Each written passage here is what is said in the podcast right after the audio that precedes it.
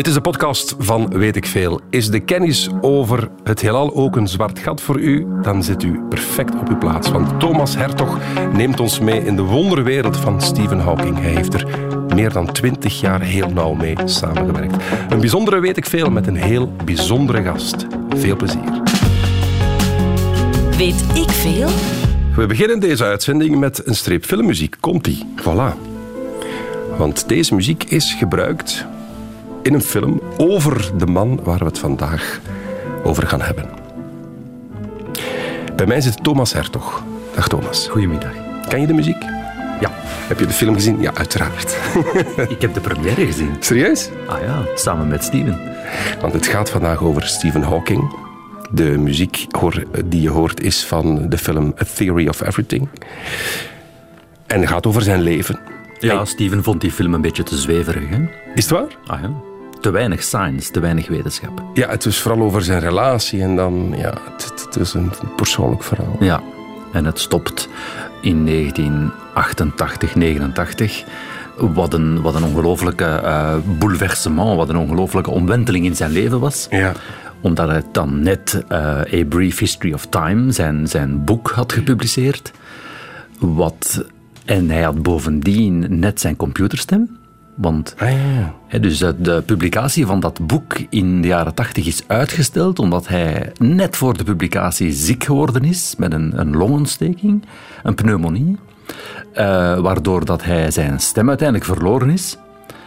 En hij dus helemaal niet kon communiceren en ook dat boek niet kon afwerken.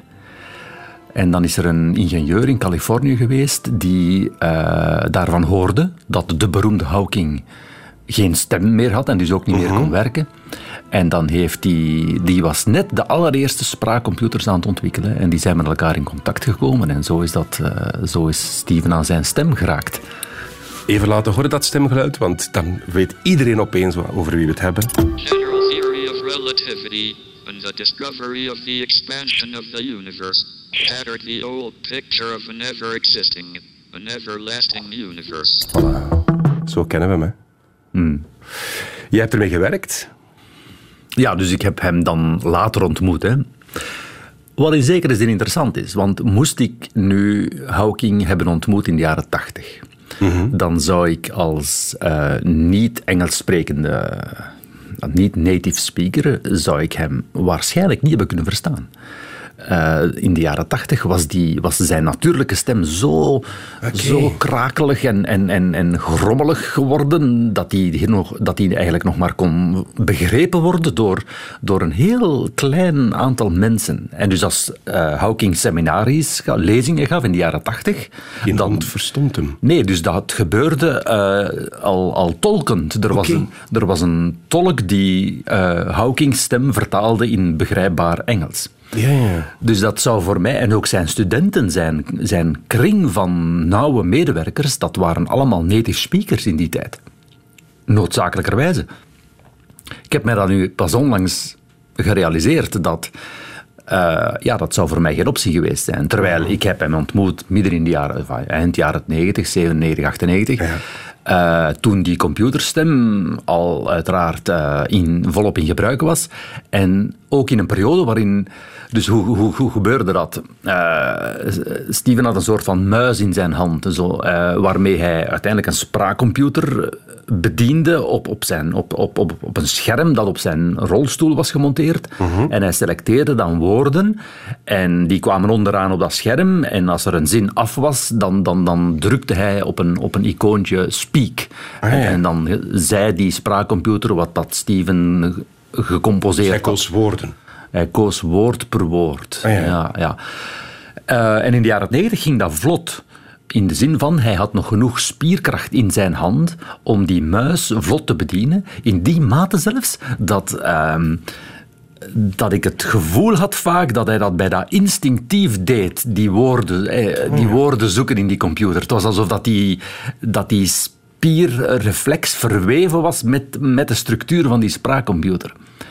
En dus ik heb daar in eind jaren 90 eh, ja, uren en uren naast gezeten. S S'avonds. Dat, dat, was, dat was geen scheiding tussen werk en, en privé bij Hawking. Dus dat ging altijd maar door. En die heeft mij dus, ja, dankzij die spraakcomputer en dankzij dat restantje van spier dat er nog restte, helemaal in zijn denken en in zijn ja, onderzoeksdomein ingeleid. Dat lijkt me vreselijk vermoeiend toch, om te communiceren met iemand die woord per woord moet selecteren op een schermpje. Ah ja, dat, dat was dus helemaal niet. Nee? Ik heb dat nooit zo ervaren. Ehm, ah, nee, nee, Je moet maar eens een. Zoom-meeting doen. Dat vind ik al Ja, verschrikkelijk. Zoom is verschrikkelijk. ja, ja. Maar wij zaten niet in Zoom, hè. Wij zaten naast elkaar. Ja, maar toch. Hallo. Allee, ik, wil, nee, ik ga hem niet nadoen. Dat zou heel fout zijn. Maar zo, ja, dat is toch woord per woord. Nuance is toch moeilijk. Of dat viel goed mee. Nuance. Right. Dus ik denk dat Hawking... Ja. Ja, grapjes is moeilijk, hè? Ah. Want je moet dan je grap formuleren dat, dat de grap niet ja, pas op het einde duidelijk wordt. Ja. Dus dat is moeilijk. Daar had hij een talent voor ontwikkeld. Zo'n soort van zin formuleren waarbij dat het lange tijd niet duidelijk was of dat dat nu een soort van fundamentele wijsheid was, dan wel een, een ordinaire grap. Dat was heel goed. Dat was, daar was hij heel goed. En bij voorkeur met heel veel mensen die rond hem mee op dat scherm aan het kijken waren. Hè, na een theatervoorstelling of met actrices of dergelijke. Dat was, dat Ja. was hij in zijn nopjes. Ja. Maar nee, als je, als je onderzoek aan het doen bent, als je over de oerknal aan het spreken bent, dan hoeft het allemaal niet te snel te gaan. Dat was een soort van, dat was een soort van bijna een soort van intiem gesprek tussen ons. Waarbij dat, we, waarbij dat je, ja, wat doe je? Dat is heel theoretisch onderzoek. En dus je probeert een soort van gedachte-experimenten met elkaar op te zetten, waarbij dat je de bestaande modellen en theorieën van de oerknal en het heelal eigenlijk tot hun limieten drijft en, en, en, en, en tracht te begrijpen welke vooronderstellingen dat we ook maken over het heelal niet helemaal juist zijn, niet helemaal kloppen. We- Je probeert met een zo open mogelijk vizier te kijken naar die allervreemdste situatie wat er gaande is in zwarte gaten en de oerknal. En dan stoort het eerlijk gezegd niet dat de communicatie een beetje trager gaat. Omdat je heel veel tijd nodig hebt om na te denken ook. Ah, wel ja, dus dat gaf mij, oh, ja, bovendien, zeker in, zeker in het begin, gaf mij dat de, de kans, zeker in dat, ook. Oh, in dat allereerste gesprek herinner ik mij dat nog levendig, dat ik gedacht heb van, dat is hier goed, dat dat hier niet gaat dat ik hier mijn antwoord een beetje kan eh, verzinnen. Ehm, je, je suggereerde een plaat daarnet, toen ik je goeiedag zei, van Pink Floyd. Ah ja, ja, ja. Waarom het nummer Keep Talking? Wel, ik denk dat ik dat nummer ontdekt heb ehm, net eh, voor mijn eerste gesprek met Hawking in 97. Ik was toen nogal fan van Pink Floyd. En, eh, en ik had niet door eerst aanvankelijk dat, dat, dat, dat, dat Steven zijn stem, dat, allee, dat Steven zijn stem, ja, hoe zeg je dat, geleend had aan Pink Floyd. Ehm, dus voilà. En natuurlijk, Talking, is, dat is toch... In, dat- ja, ik vind dat dan eigenlijk uiteindelijk een interessante song, want die taal is toch ergens cruciaal. Hè? Dus je denkt altijd van, ja, die natuurkunde, dat, is een, dat, is een, dat, is, dat zijn zo van die waarheden, die, die natuurwetten, die, die, die zijn daar. Ja. Maar meer en meer gaandeweg tijdens mijn carrière ben ik ervan overtuigd geraakt dat de natuurkunde ook maar een taal is. Die zich gaandeweg Evolueert. ontwikkelt, die evolueert, die ook haar limieten kent en die we gradueel verfijnen en verfijnen.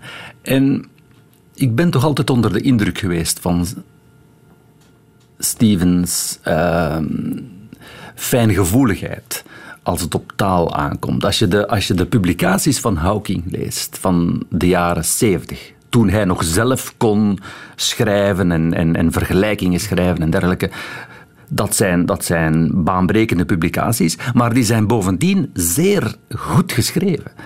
Zeer goed geschreven. A Brief History of Time, zijn beroemde boek van de jaren 80, is in mijn ogen ja, niet, zo, niet, niet zo begrijpbaar geschreven, maar wel mooi op een bepaalde manier.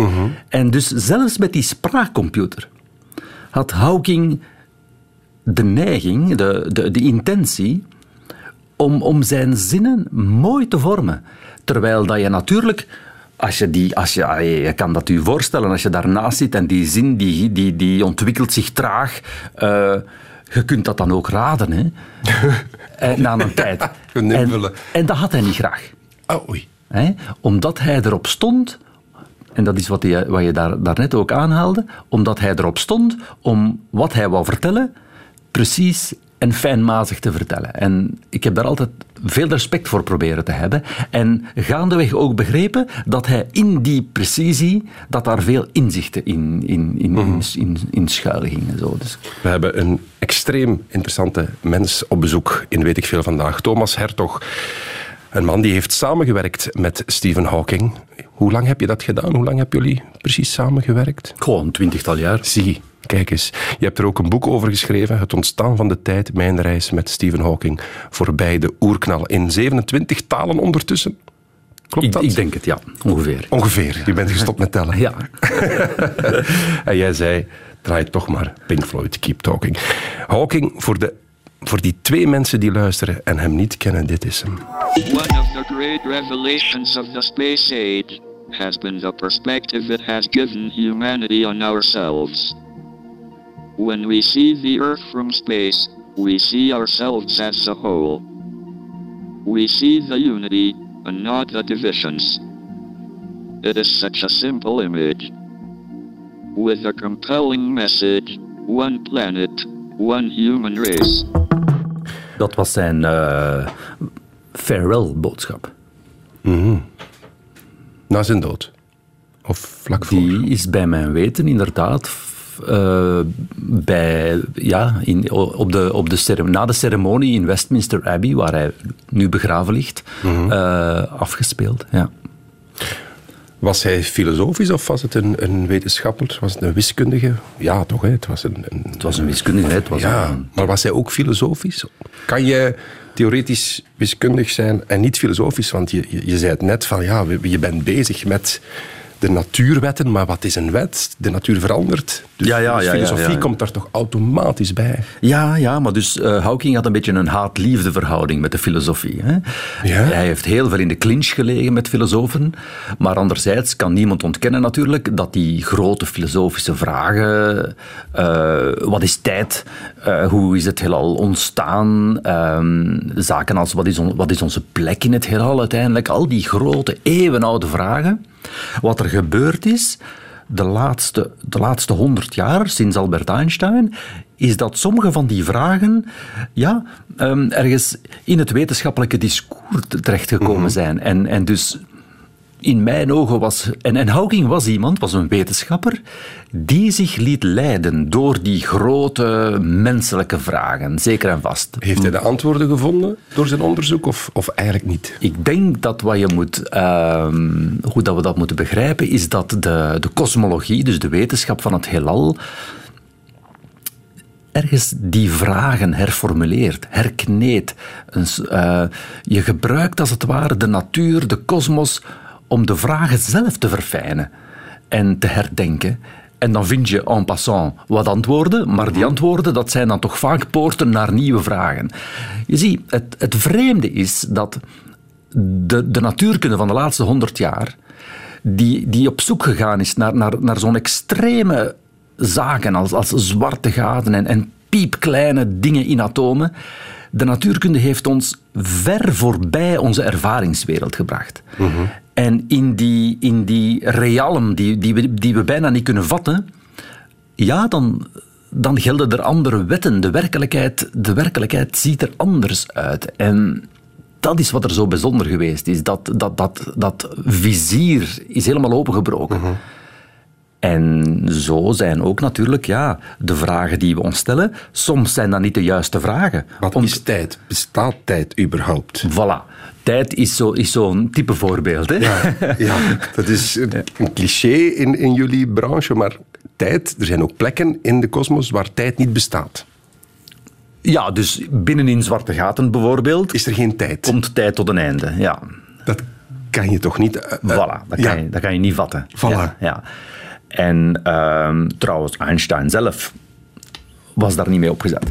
Ehm voilà, dus dat is de magie, in zekere zin, van die theoretische natuurkunde. Dat die poorten opent naar zo'n vreemde hoeken van het heelal, waar we al onze dagelijkse intuïtie moeten laten varen. En als je het dan hebt over de oerknal, het begin van het heelal, het begin van de tijd, het ontstaan van de tijd, is een referentie natuurlijk naar ja, de oerknal. Ehm, ja, dan kom je terecht in, in, in, in een heel vreemde situatie waarin dat uw intuïtie eigenlijk ja, u in de steek laat. En het knappe aan Hawking was dat hij zich, ja, dat hij die, dat hij die diep menselijke vragen, hij was gefocust op die een oerknal. Ja. Als een van de weinige wetenschappers. Eh, ook eh, een beetje zoals de, de Belg Georges Lemaitre, eh, 100 jaar geleden. Ehm, en ik denk dat dat uiteindelijk was omdat Hawking het gevoel had, het is dat die, in die oerknal dat we, dat we de fysica, de natuurkunde echt in de diepte gaan kunnen begrijpen. En dat we, dat we ergens ook het antwoord moeten zoeken op, ja, wat is nu, wat is nu de diepe link tussen mens en kosmos? Dat was zo, Even terug naar het begin, die oerknal. ja, Hoeveel miljard jaar geleden? 13,7. Zijn we daar zeker van? Of gaat er volgend jaar een onderzoek blijken dat het al 25 miljard is? Nee, 13,7. Dat is toch redelijk, redelijk nauwkeurig. Enfin, En dat is het begin van de tijd, zeg je. Alles wijst erop. Ja, nu stel je mij een moeilijke vraag. Ja, ja dus het korte antwoord is ja. Ja. Ehm, alles wijst erop dat zaken als ruimte en tijd, de, de basis van, van hoe dat we ons organiseren in de werkelijkheid, dat die, dat die dat die geen steek meer houden bij de oerknal. In het bijzonder dat, dat het verleden niet verder teruggaat, hè, daar niks voor de oerknal is. Met de oerknal lijken we iets ontdekt te hebben dat niet echt een oorzaak heeft. En dat ja. is wat het zo vreemd maakt. Dus er was niks. En ineens is er een knal. Dat, Ja, dat mm. krijg je niet uitgelegd. Nee, nee, niks er dan niks. Ja. Niks er dan niks. Mhm, En dan is er een knal en ontstaan er miljarden melkwegen en miljarden universa. Wel, ja, dus dat is dan nog het bijzondere. Hè? Die knal, zoals je zegt, ehm, heeft dan niet zomaar een, een eender welk heelal voortgebracht, maar heeft een heelal voortgebracht dat op een heel bijzondere manier levensvatbaar is. Een heelal waarin, zoals je zegt, sterren en sterrenstelsels en melkwegen ontstaan.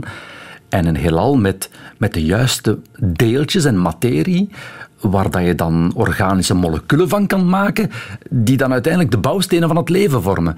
Ja. Dus uit die een mysterieuze oerknal is bovendien een, een, een, een bijzonder levensvatbaar heelal voortgekomen. En dat was de vraag die Hawking op tafel legde Mhm. in ons allereerste gesprek daar in 1997. Neem wat. Maakt, wat maakt het heelal levensvatbaar, vroeg hij mij.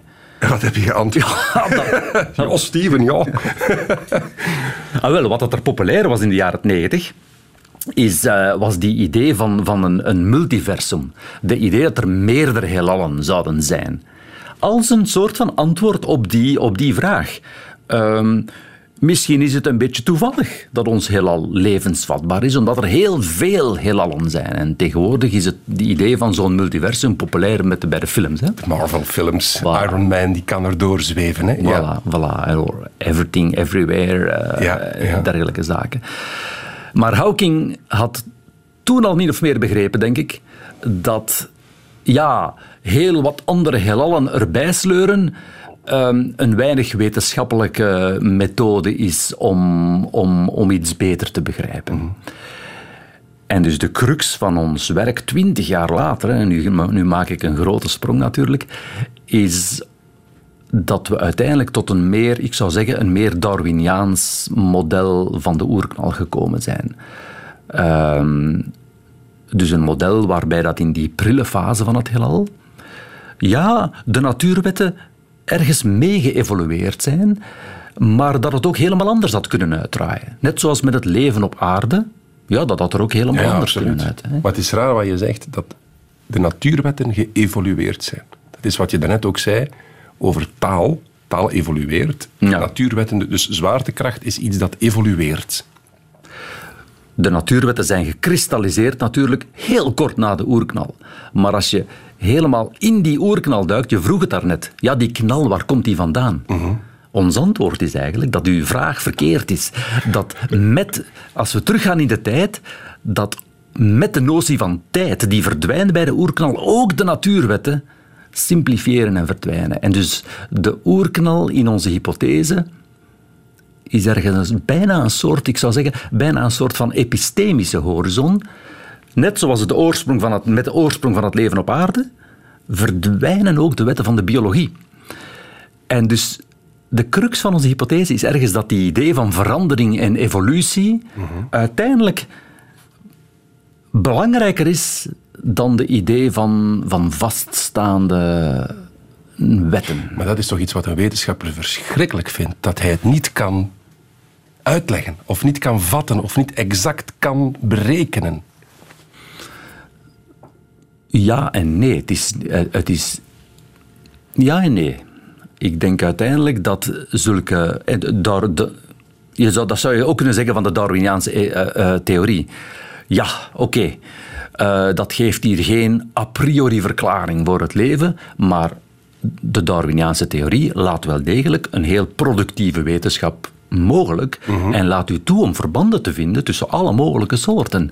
Dus die, om die levensboom in kaart te brengen. Het is juist natuurlijk dat je ergens wel een, een sokkel misschien mist en dat is een vreemde gedachte voor sommigen. ja. Want je zegt, ik heb twintig jaar met Hawking gewerkt, maar eigenlijk ben je, heb je conclusies kunnen trekken. Ben je zeker van dingen die je twintig jaar lang hebt bestudeerd? Ben je daar 100% zeker? Nee, nee, nee. nee, nee. Zijn- dat is toch, dat is toch Ah, zo in die zin. Thomas. En Stephen Hawking ook. Hoe ging die, hoe ging die daarmee om? Dat hij eigenlijk... eh, Ja, jullie, jullie praten veel. Jullie fantaseren... Nee, niet fantaseren. Jullie beredeneren veel. Maar eigenlijk ben je nooit zeker van wat je aan het berekenen of aan het zeggen bent. Nee, in tegendeel. We zijn het, het merendeel van de tijd zijn we onzeker en liggen we, in, liggen we in de knoop. Maar dat is net het zoeken dat eigen is aan de wetenschap. Maar zoeken zonder vinden is toch frustrerend? Maar zoeken en af en toe iets vinden en nieuwe vragen stellen Ja. en iets ontdekken en een soort van. eh, en daardoor een soort van vriendschapsband opbouwen en, en uiteindelijk uw theorieën relateren aan, aan, aan waarnemingen die in de toekomst kunnen gebeuren. En nee, dat is fantastisch. Ik ben natuurlijk wel begonnen. Ik ben binnengestapt bij Hawking met het idee van gaan dat hier eens oplossen. maar eh, we, gaan, we zijn nu 25 jaar later. En het is, eh, de waarde ligt hem in, in, in die zoektocht. Ook voor Hawking. Hawking is dan, ja, had dan ook gerealiseerd, eind jaren 90, dat de theorie van de oerknal die hij in dat boek A Brief History of Time had uit de doeken gedaan, dat die, dat die niet werkte, dat die niet klopte. Uit die theorie van, van dat boek komt, komt een leeg heelal tevoorschijn eh, uit de oerknal. Dus ja, hij had ook wel door dat er iets niet klopte. En dat was net het mooie aan Hawking, dat hij zijn eigen theorieën in vraag bleef stellen, dat hij in de eerste plaats een soort van ontdekkingsreiziger was, een echte zoeker. En, en een soort van optimist daarin natuurlijk. Je moet, je moet een, een beetje naïef en optimistisch zijn in onze branche. Hè? Ja. Ehm, ah ja, nee, dat was geweldig. Was hij grappig? Ja, dus op zijn manier. Hè, ja. Geen moppetapper waarschijnlijk, maar zo ja, dat was moeilijk voor hem.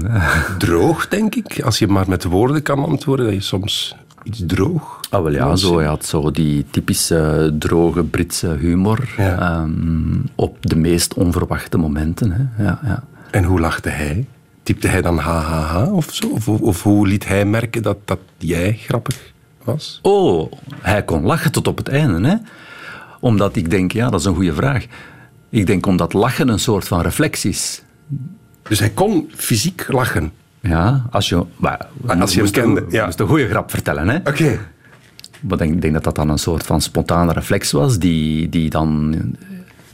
Zijn probleem was dat hij niet bewust zijn spieren kon aansturen, maar alle, alles wat vanzelf gebeurt, dat ging.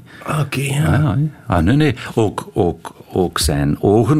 Enfin, later is die communicatie heel moeilijk ge- geworden, omdat die muis, hij kon die muis niet meer bedienen met zijn hand. En dan... Ja, dan was dat met allerhande sensors op zijn bril, dat, dat, dat, dat die spraakcomputer bediend werd. En dat ging veel trager. Op dat moment zijn we veel meer een soort van niet-verbale uh, communicatie beginnen ontwikkelen. Hè? Met, met, subtiele, met subtiele bewegingen van de, van de wenkbrauwen en de ogen en dergelijke. Maar nee, lachen is nooit een probleem geweest. Het was een man met humor. Hij heeft uh, bijvoorbeeld in The Simpsons ook een rolletje gehad. Your theory of a donut-shaped universe is intriguing, Homer. I may have to steal it. Wow, I can't believe someone I never heard of is hanging out with a guy like me. All right, it's closing time. Who's paying the tab? I am. I didn't say that. Yes, I did. Je luistert naar Weet ik Veel over Stephen Hawking. Met een man die er 20 tot 25 jaar lang heeft naast gezeten. Op dagelijkse basis was dat echt dag in dag uit of, of, of niet echt? Nee, nee. Dus uh, aanvankelijk uh, was ik zijn doctorandus. Dus aanvankelijk was Hawking mijn mentor um, in de late jaren 90, vroege jaren 2000. En dan was dat heel intensief. Hè. Ik woonde dan in Cambridge, hij werkte daar. Uh, hij nam ons ook altijd mee op al zijn reizen. Hè. Dus dat was. Uh, we gingen wij naar uh, Los Angeles en, en, en, en, en veel, veel in Europa natuurlijk. Had je het gevoel dat hij met een popster onderweg was? Ja, ja, ja, ja, zeker en vast. In, in, uh, in, in, in, Los Angeles. Steven, had, Steven had, kon, kon het niet laten om dan... Um, te mengen met de Hollywoodsterren. Hè. Uh, dus dan moest ik hem regelmatig uh, naar een of andere Beverly Hills huis rijden en, en dan in de auto was het altijd van, ja, wat gaan we nu vertellen? uh, en Steven, zijn, uh, zijn strategie was altijd van, uh, let's stick to cosmology. Hè? Dus laat het ons bij cosmologie houden. En dat was altijd zijn strategie als hij met die, met die Hollywoodsterren um, mengde. Maar dan daarna, um, nee, daarna was dat een andere, andere vorm van samenwerking. Wij zijn terug beginnen samenwerken als, als collega's dan later, uh, 2005, 2006 toen ik natuurlijk niet meer in Cambridge woonde. En um, gaandeweg, ja, zeker in de latere jaren, als communicatie moeilijker werd, heb ik dan meer, ja, de, ben ik dan meer de lijnen beginnen uitzetten. Dan, mm terwijl, en we hebben dan geteerd, we hebben dan gebouwd natuurlijk op die hele intense communicatie van onze vroege jaren. Dus, ja. dus er is een hele evolutie geweest. Ik beschrijf dat een beetje in mijn boek. Hè. Er is een hele evolutie geweest in onze samenwerking. Maar het is pas op het einde, naar het, ja, eigenlijk vlak voor zijn dood, dat dat die, die Darwiniaanse draai in de kosmologie, die, dat idee van dat ook de natuurwetten zijn ontstaan bij de oerknal, dat is toch pas op het einde gekristalliseerd. En het is toen dat Hawking mij gevraagd heeft, in zekere zin, uh, of gezegd heeft van ja, het is tijd voor een nieuw boek. Uh, wat hij zelf niet meer kon schrijven. En dat heb ik dus gedaan na zijn dood dan. Mm -hmm. En dat heet Het ontstaan van de tijd, Mijn reis met Stephen ja. voorbij de oerknal. Um, Thomas Missium, was het een vriend? Missie, missie je maat? Ja, toch wel. Ja, ja, dat of zijn... mis je je mentor? Mis je, nee, mis je ook de mens? Mis je ook... Ik miste... Dat is nu een tijdje geleden, maar... Uh, ik, ja, er is een bepaald soort vriendschap dat ontwikkelt, dat ik heel sterk heb, voel met, met hem en met sommige andere collega's in, in de theoretische natuurkunde. Um, dat zijn heel hechte samenwerkingen. Dat zijn samenwerkingen die ja, ook veel rond, rond taal, rond het ontwikkelen van een gemeenschappelijke intuïtie en taal draaien. Het is een heel sociaal beroep, theoretische fysica. Ja, want er is niet Beetje veel... zoals jouw beroep. Babbelen met mensen. Ja. Leuk. Ja. Heerlijk beroep, toch? Ja. Oh. Veel babbelen, inderdaad. En, en het is door al dat babbelen dat je een ja, dat je eigenlijk een, een, een, soort van intimiteit ontwikkelt. Natuurlijk een ander soort van intimiteit dat je ontwikkelt met je, met uw partner, maar mm -hmm. hier rond de kosmologie, rond de fysica. Rond... En waarom is dat nodig? Dat is precies omdat je, omdat je daar aan de, aan, de, aan de rand van de rafelrand van de wetenschap zijn er, zijn er vooral veel vragen. En je moet, je moet elkaar als het ware vertrouwen om, om daarin te springen. En je moet elkaar kennen. En je moet kunnen voortbouwen op elkaars intuïtie. En dus ik heb gaandeweg ontdekt dat in de hele hechte, lange samenwerkingen met, die je maar hebt met enkele collega's, hè, dat er daar een, een heel speciaal vorm van, van vriendschap ontwikkelt. Maar je zei niet, ik heb iemand leren kennen. Vertelde je privézaken tegen hem? Had hij daar boodschap aan? Nee, het, het- het ging enkel over zwarte gaten en de oerknal. Enkel is veel gezegd, maar nee, wij... wij Small ook- talk, nee. Ja, wel, maar small talk met Hawking, ja. Good luck, hè. Ja. Er was natuurlijk wel small talk, maar eh, in beperkte mate. Ehm, niet echt... Allee, onze, onze gezinnen kenden elkaar natuurlijk. Maar om, nee, dat is geen vriendschap die draaide rond, rond privézaken. Thomas, hoe dikwijls krijg jij op familiefeesten de vraag: zo'n zwart gat, wat is dat nu eigenlijk? kan, kan je dat uitleggen aan iemand zoals ik die dat eigenlijk niet begrijpt? Ja, natuurlijk. Wat is, wat is een Want ze zijn er. Hè? We hebben, ze, nee, hebben we ze al waargenomen? Maar ja, hè, we, hebben Ja. Die, we hebben die foto. Ah wel, maar dat is een foto van iets dat rond het zwart gat vervormt en dan gaan we ervan uit dat dat dan het zwart gat is. Ja, die zwarte schijf Ja. in, het midden van de foto. Maar dat zie je niet. Ah, Want- nee. Nee. Ah, het zwart gat. Ja. Het wordt al moeilijk. Wat, is, wat, wat is dat precies? Zo'n die plek. Wel, zwarte gaten ontstaan als eh, sterren, een beetje zwaarder dan de zon, ehm, zonder brandstof vallen.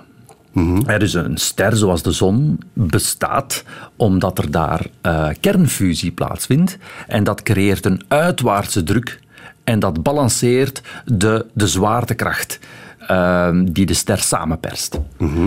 En dus als die kernfusie stilvalt, dan implodeert een ster. Oké. Want er is geen uitwaartse druk nu meer. Ah, ja. En dus aan het einde van haar leven zullen zware sterren zodanig eh, imploderen dat ze helemaal samengeperst worden tot een soort van. Ja, iets dat we bijna niet meer kunnen voorstellen. Is dat nog materie? Je kunt dat inderdaad bijna niet meer materie noemen. Nee. Vandaar dat ik ergens even twijfelde. Ik, zag u twijfelen, ja. Dus het is, het is niet dat je kan zeggen, ik heb nu een zwart gat in mijn hand. Moeilijk, moeilijk. Nee. Ja.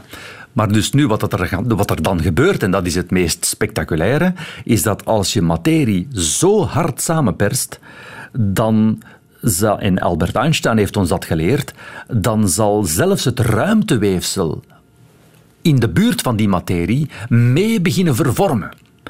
En een soort van trechter in de ruimte zal zich vormen. En dat is die zwarte schijf in het midden van die beroemde foto dat je ziet. Ruimteweefsel, wat bedoel je dan? Licht, Wel, zwaartekrachten, Ja, tijd, ja, zo'n ja, dingen? ja, ja, nu stel je wel veel vragen Ja, oei, tegelijkertijd. ja. Dus, maar dus Einstein heeft ons geleerd dat we de zwaartekracht kunnen, kunnen begrijpen, kunnen beschrijven in termen van een soort van vervorming van, van, van de ruimte rondom ons. Mhm. Eh, de massa van de aarde zal een soort van klein valleitje in, in het ruimteweefsel creëren en dat is wat ons ons met de voetjes op de grond houdt. Of, of wat de maan, een soort van roulette eh, wiel. Hè? Maar natuurlijk, als je zo'n ster neemt en je laat die imploderen, dan zal die vervorming van de ruimte zo groot worden dat zelfs een lichtstraal gevangen zal geraken. Ja, ja, oké. En dus dat is wat het, het straffen is aan een zwart gat. Zelfs licht dat in de buurt komt van een zwart gat, zal als het ware in een soort van koker gevangen geraken. En vandaar natuurlijk dat, dat een zwart gat zwart is. Dus je creëert, maar niks kan er sneller gaan dan licht. Dus als zelfs licht gevangen raakt in dat gebied rond die geïmplodeerde ster, ja, dan raakt alles gevangen in dat gebied. En dus je creëert een stukje in de ruimte waaruit niets kan ontsnappen. Een stukje heelal dus, dat, waar, waar we niet mee kunnen communiceren, dat kausaal onafhankelijk is Ja. van ons. Dus vandaar dat men soms in science fiction zegt van ja, zwarte gaten, dat zijn poorten naar, naar andere universa. De wormholes. Voilà, de wormgaten Ja. hè, van Interstellar bijvoorbeeld. Absoluut, Zeer ja. fantastisch. hè. Film, hè. Heel goede film. Ja. Ehm, een beetje gestretched. Hè, maar Maar wel, ik wou net vragen, kan Matthew McConaughey daar doorvliegen en dan terug thuis geraken? Ja, dus dat, ja, wel, ja, in, eh, in die film, ja, maar, Ja, maar in- ja, maar pas op, pas op, ik was erbij toen dat die film, eh, toen dat het idee van die film ontsproot Right. in, in Los Angeles. Ehm, waren we op bezoek bij Kip Thorne, de co-director van eh, Chris Nolan. Ja. Een goede vriend van Hawking. En Thorne heeft in de jaren 90 geprobeerd om te bewijzen dat de wormgaten niet kunnen bestaan. Wormgaten zijn theoretische constructies in, in Einsteins theorie. En, hè, ehm, maar of dat je die nu echt kan vormen, ehm, je hebt heel, heel exotische materie nodig. Maar eh, Thorne wou echt zwart op wit bewijzen dat dat niet kon. En hij is daar niet in geslaagd. En ik herinner mij nog levendig een conversatie tussen Kip Thorne en, en Hawking. Eh, ik was dan zo'n ja, jong studentje van 22, 23 daarbij. Waarbij, waar Thorne zei van, ja, als het zo zit, dan is dat wel goede materie voor een film. En uiteindelijk is het script van Interstellar eh, daaruit, daaruit gegroeid. Ja. Maar natuurlijk, ja, het is heel duidelijk dat je extreem exotische materie nodig hebt om een wormgat, om, om een zwart gat in een wormgat te, te, te, te veranderen. Hè. Een wormgat waar je kan doorgaan. Dat is materie die we totaal niet hebben op aarde en waarvan we ook het bestaan eh, niet kennen. Nee, nee, Dus allicht bestaan wormgaten niet. Maar om dat nu op zwart op wit te bewijzen is zeer moeilijk. Zoals alles in de wetenschap. Allicht.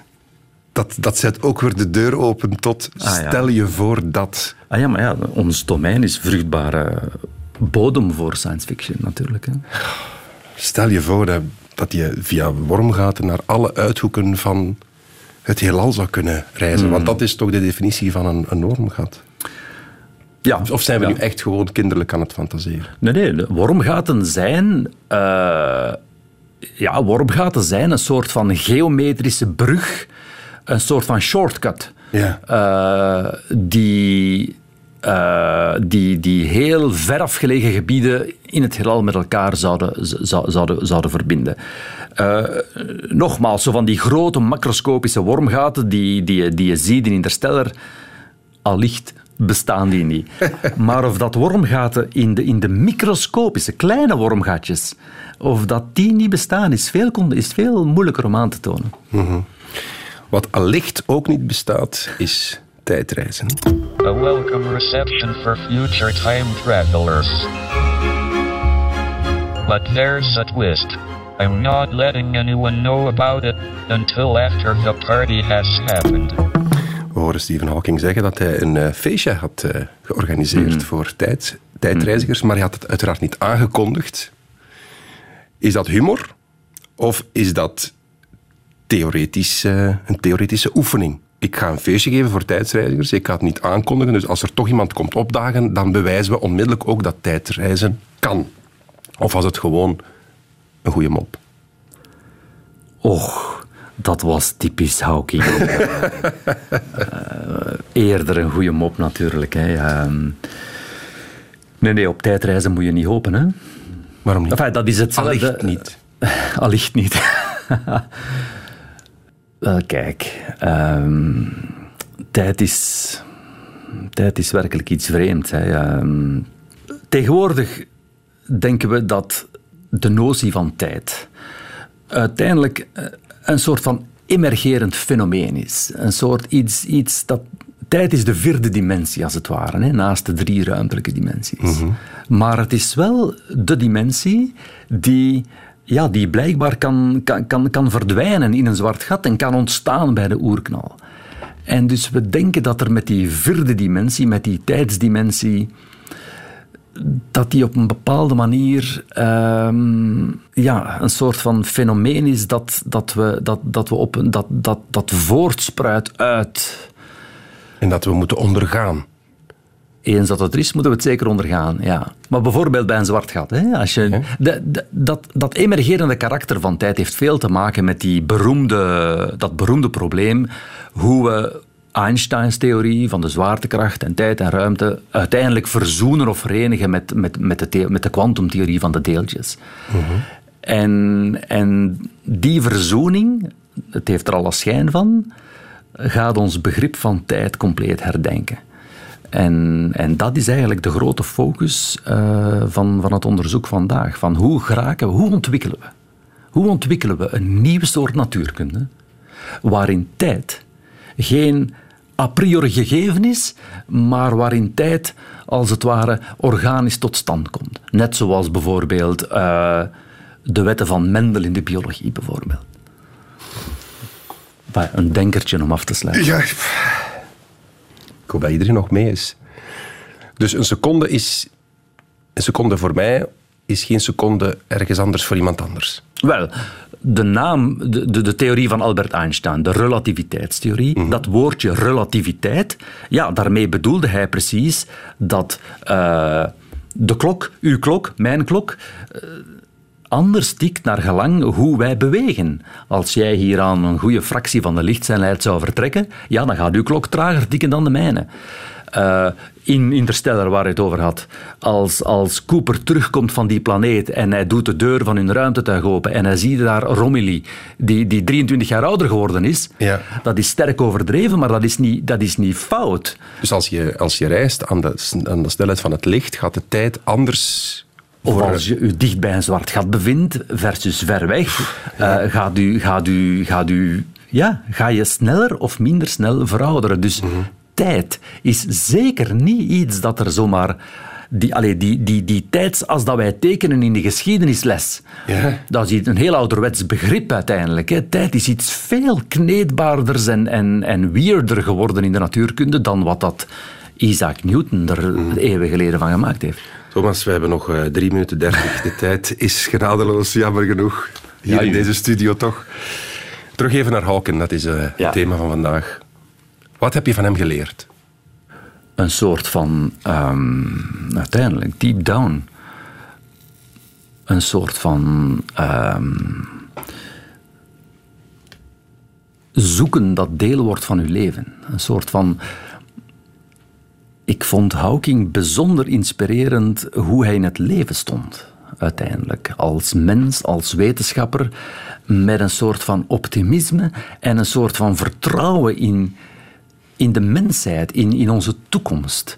Um, je zou denken, die, die houdt zich bezig met zwarte gaten en de oerknal. Maar uiteindelijk, deep down, was Hawking, en dat hebben we ook gehoord in dat fragment uh, dat uitgezonden werd op het einde van zijn leven.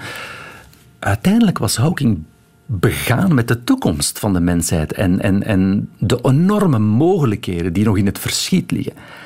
En zijn aanvoelen was dat we door ons op de moeilijkste en diepste vragen te concentreren, door eigenlijk eh, de code van de kosmos te kraken, mhm. dat op een of andere manier die we nog niet goed begrijpen, dat ons dat, dat, ons, dat, ons dat gaat helpen in de verre toekomst. En dat heb ik altijd een, een zeer uh, stimulerende, uh, heel sterke gedachte gevonden. En, Is het een schande dat hij nooit de Nobelprijs gewonnen heeft?